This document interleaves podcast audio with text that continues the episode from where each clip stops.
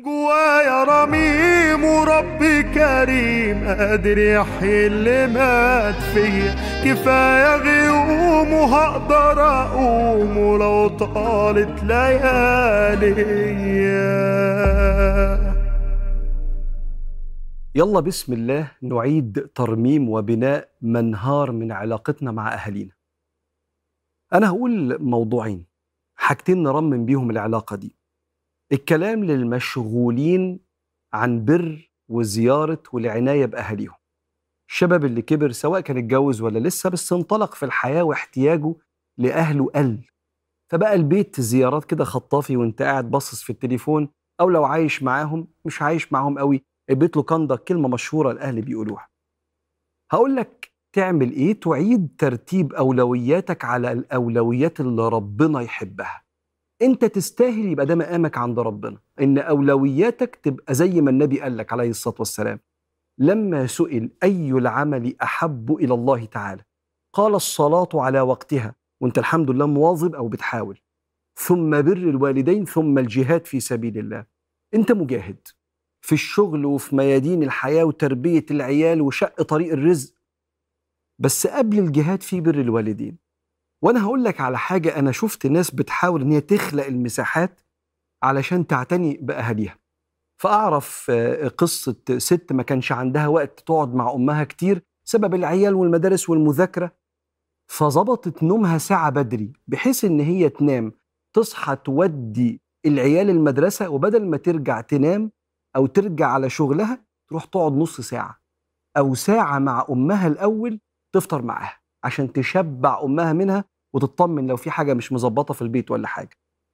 أعرف شاب حط خطة ثلاث سنين إنه يحوش فلوس عمره لأبوه حط القرش على القرش عشان يفاجئ أبوه بهدية عيد ميلاده عمره يروح يزور سيدنا النبي عليه الصلاة والسلام. أعرف حد من الشباب قعد يفكر إزاي يقضي وقت مع أبوه ما بيعرفوش يفتحوا مع بعض مواضيع.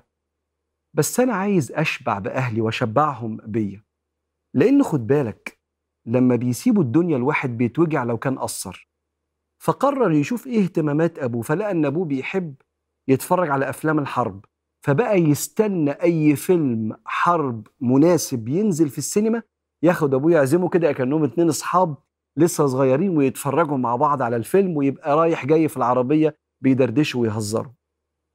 أولويات متسقة مع أولويات سيدنا رسول الله عليه الصلاة والسلام وأنت تقدر تعمل كده لو حطيت الموضوع في بالك. فدي أول حاجة ترمم وتعيد بناء العلاقة اللي ضعفت وانهارت. الحاجة التانيه للناس المستاءة اللي اتربت بشدة شوية فزعلت وبعدت بعد ما قويت واستغنت.